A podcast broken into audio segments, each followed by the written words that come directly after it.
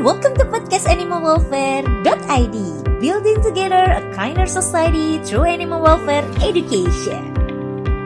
Podcast ini adalah podcast edukasi berbasis prinsip kesejahteraan hewan Berisi tentang tips dan tips yang berguna untuk hewan peliharaan, manajemen shelter hewan, adopsi, dan kepemilikan hewan yang bertanggung jawab Yuk kita dengarkan episode menarik ini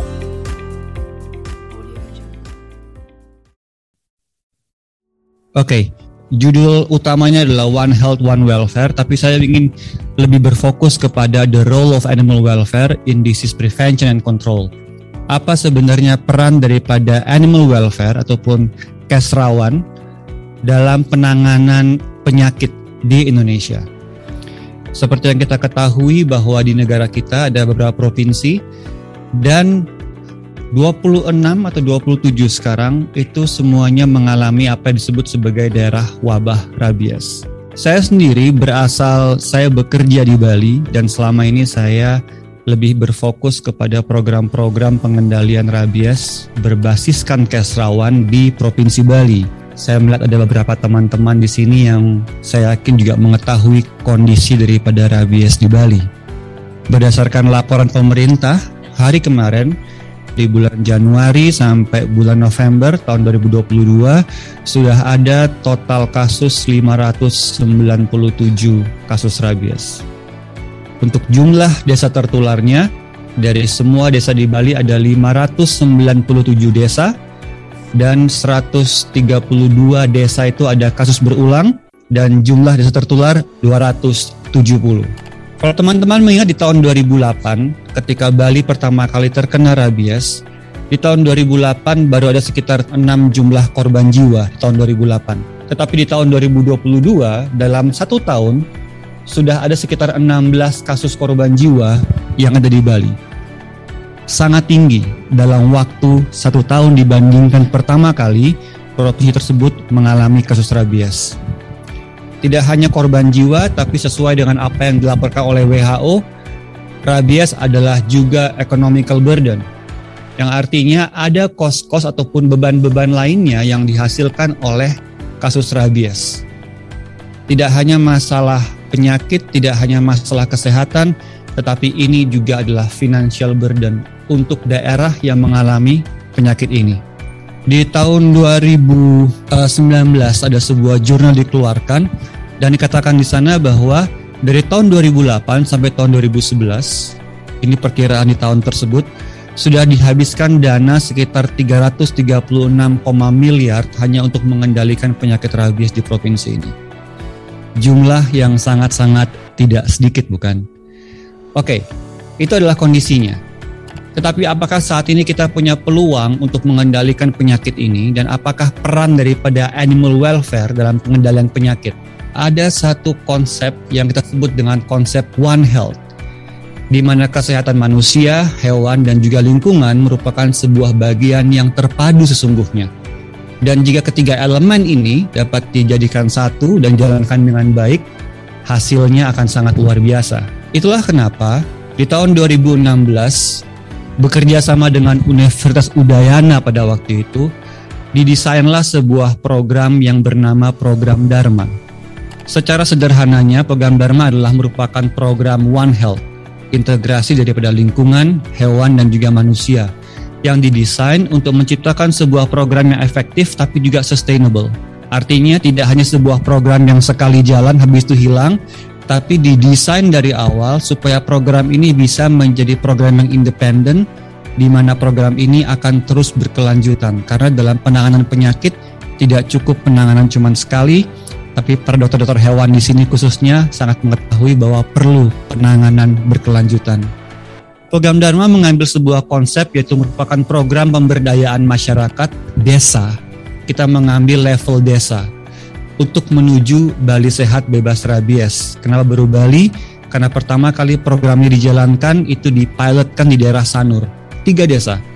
Daerah desa Sanur Kaje, Kelurahan Sanur, dan desa desa Sanur Kau. Apa saja yang dilakukan? Sederhana, data collection. Apa pentingnya data collection?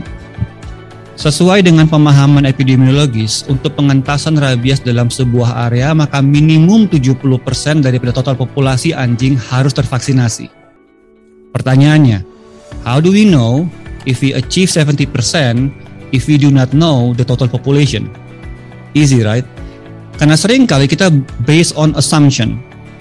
Saya ambil contoh, ketika tahun 2016, ketika pertama kali program Dharma dijalankan daerah Sanur, asumsi warga ataupun desa adalah sekitar 3.100 ekor anjing di tiga desa.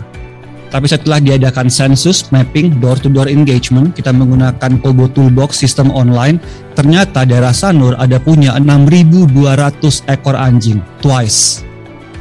Jadi apa yang terjadi? Yang terjadi adalah ketika diasumsikan bahwa sebuah daerah sudah tervaksin 70%, menggunakan population based on assumption, it is not true karena bagaimana mungkin 70% daripada 3000 asumsi awal ternyata jumlah anjingnya adalah double. Kalau 70% tidak tercapai, maka bagaimanakah pengendalian rabies dapat tercapai di daerah tersebut? Selain data collection apalagi, kita juga menggunakan sosialisasi, edukasi. Kita adakan event reguler yang namanya Health Day. Apa itu Health Day? Spay neuter. Humane Population Management. Artinya kita mengatur populasi anjing supaya stabil. Apa kegunaannya? Let's say Anda punya 100 ekor anjing di sebuah desa. 70 persennya adalah 70. We want to maintain that 70 numbers, right? Kita mau pastikan bahwa 70 ekor anjing yang sehat dan tervaksinasi itulah yang menjaga areanya. Tetapi kalau kita tidak bisa mengendalikan stabilitas populasi, let's say satu ekor anjing bisa melahirkan dua kali dalam setahun kalau tidak ada spay neuter, tidak ada sterilisasi, maka di tahun berikutnya sudah berkurang lagi 70% pun pencapaian vaksinasinya. Sehingga penting untuk memberikan akses to resource untuk ke masyarakat. Karena sering kali seperti ini, kita sering kali sebagai sebuah kelompok pecinta hewan atau kesrawan, kita datang ke masyarakat, kita bilang bahwa A, B, C, dan D, you need to do this, this, and this, and this. But we didn't provide them with access to resources. It's not going to happen. Setiap intervensi yang kita lakukan dalam level masyarakat, jika tidak membangun masyarakatnya, maka itu adalah hal yang sia-sia. You need to build the capacity of the villagers, the communities. It's a must. Oke, okay, pertama kali ketika kita mengadakan gap assessment, apa sih sebenarnya permasalahan di Bali dalam penanganan rabies? Ada sebuah jurnal yang dilakukan oleh partner kerja kami di Udayana, bisa diakses data di sini Dikatakan seperti ini, bahwa sistem surveillance belum ada sistem pendataan yang akurat terhadap data jumlah anjing. Vaksinasi anjing, sistem vaksinasi masih tersentral, artinya masih mengharapkan orang untuk mampu membawa anjingnya ke titik pusat vaksinasi. Di Bali teman-teman sangat susah. Bagi yang pernah ke Bali, Anda bisa membayangkan bagaimana anjing-anjing yang biasanya dibebaskan untuk ditangkap kemudian dibawa ke sebuah sentral. Sangat susah sering kali digunakan bahasa atau term yaitu anjing liar. Tahukah Anda dari 6.200 ekor anjing yang kami data di Sanur pada waktu itu, based on mapping, door-to-door engagement, tahukah Anda ada berapa ekor anjing yang tidak berpemilik? Ada yang menebak? 190 ekor saja dari 6.200. Almost 90% of the dogs that they saw roaming free at the beach area near the hotels, they all have owners. Permasalahannya bukanlah itu anjing liar, itu adalah anjing yang ditelantarkan. That's a different terms. Karena kalau anjing liar artinya Anda akan melihat anjing itu di hutan-hutan, nggak berpemilik. Tapi kalau anjing yang ditelantarkan berbeda. Pagi dia main di pantai sama teman-temannya, pulang dia punya rumahnya.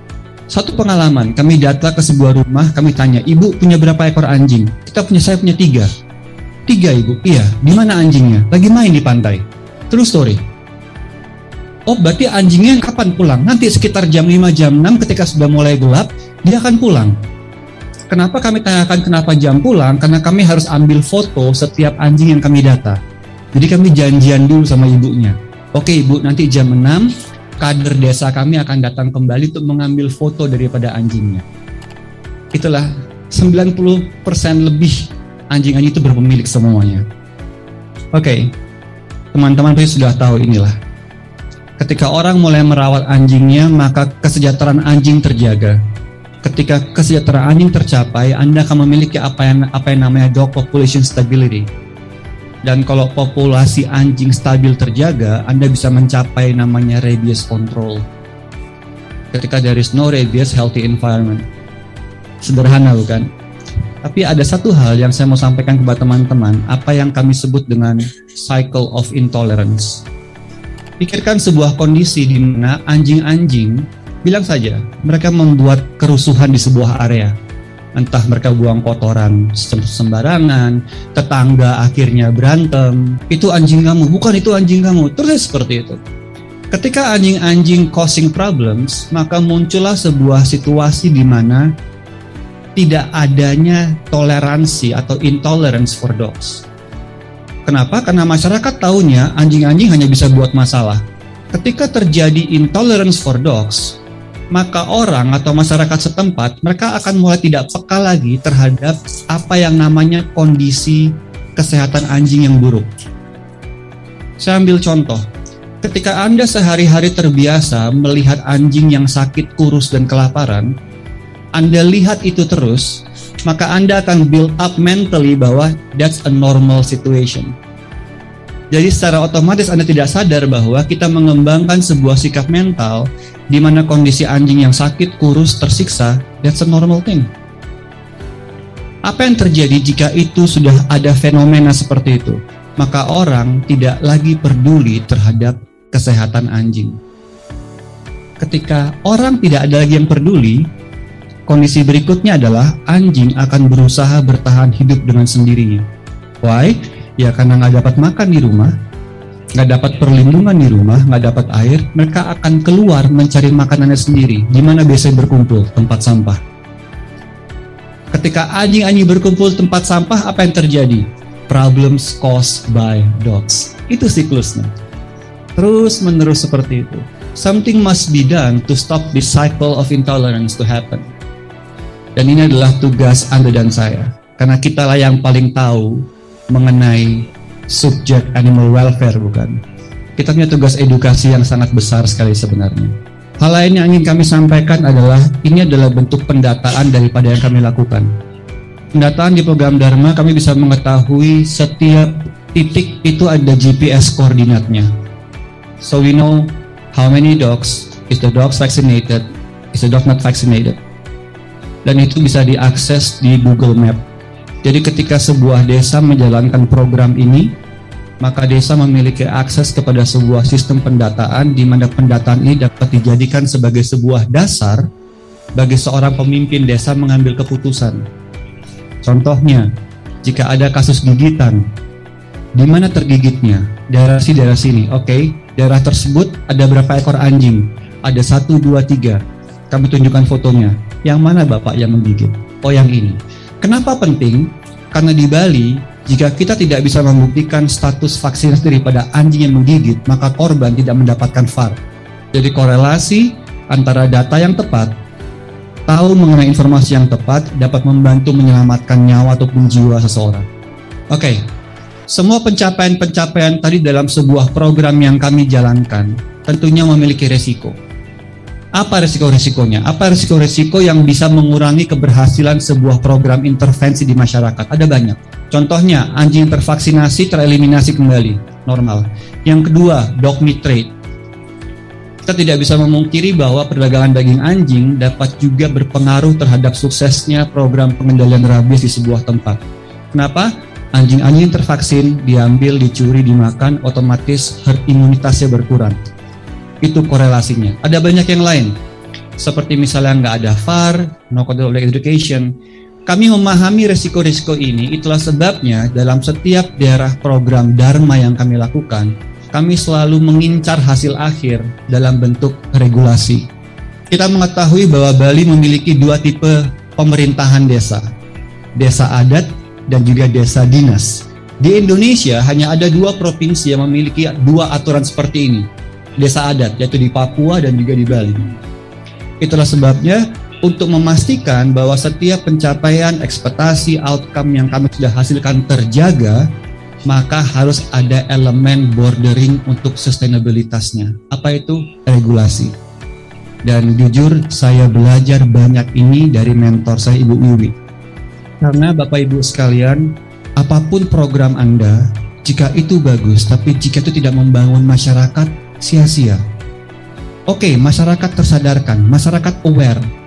Apa yang memastikan supaya masyarakat continue untuk melakukan hal yang benar adalah regulasi anda membutuhkan regulasi, tapi tentunya regulasi itu harus disesuaikan dengan masyarakat setempat. Apa yang sesuai, apa yang tidak sesuai. Di Bali contohnya ada yang namanya aturan desa adat, perarem. Anda bisa lihat larangan-larangannya. Di sana masyarakatlah yang setuju tidak lagi makan anjing, tidak lagi menelantarkan, tidak menganiaya, tidak membunuh. Masyarakatnya yang memutuskan. Bukan tidak cukup hanya pressure dari luar, tapi masyarakat harus paham dan mengambil kesimpulan dan keputusan sendiri. Itu desa adat. Tetapi bagaimana dengan desa dinas? Desa dinas pun juga sama. Di Bali saat ini sudah ada peraturan desa dinas dengan elemen-elemen yang sama. No dog meat, tidak penelantaran anjing, tidak penganiayaan, tidak membunuh. Masyarakat yang memutuskannya. Itulah mengapa program yang berusaha kami jalankan adalah program pemberdayaan masyarakat. Hewannya di mana? Hewan tidak bisa melindungi diri mereka sendiri. Manusia yang harus melindungi hewan-hewan itu. Itulah mengapa manusia yang harus diatur, bukan hewannya. Manusia diatur melalui regulasi, manusia diberdayakan melalui peningkatan kapasitas. Ini tugas kita semua bersama. Terima kasih. Thank you for listening to podcast animalwelfare.id. Semua informasi ini dapat diakses di website animalwelfare.id. Jangan lupa subscribe, like, dan share ya. See you in the next episode.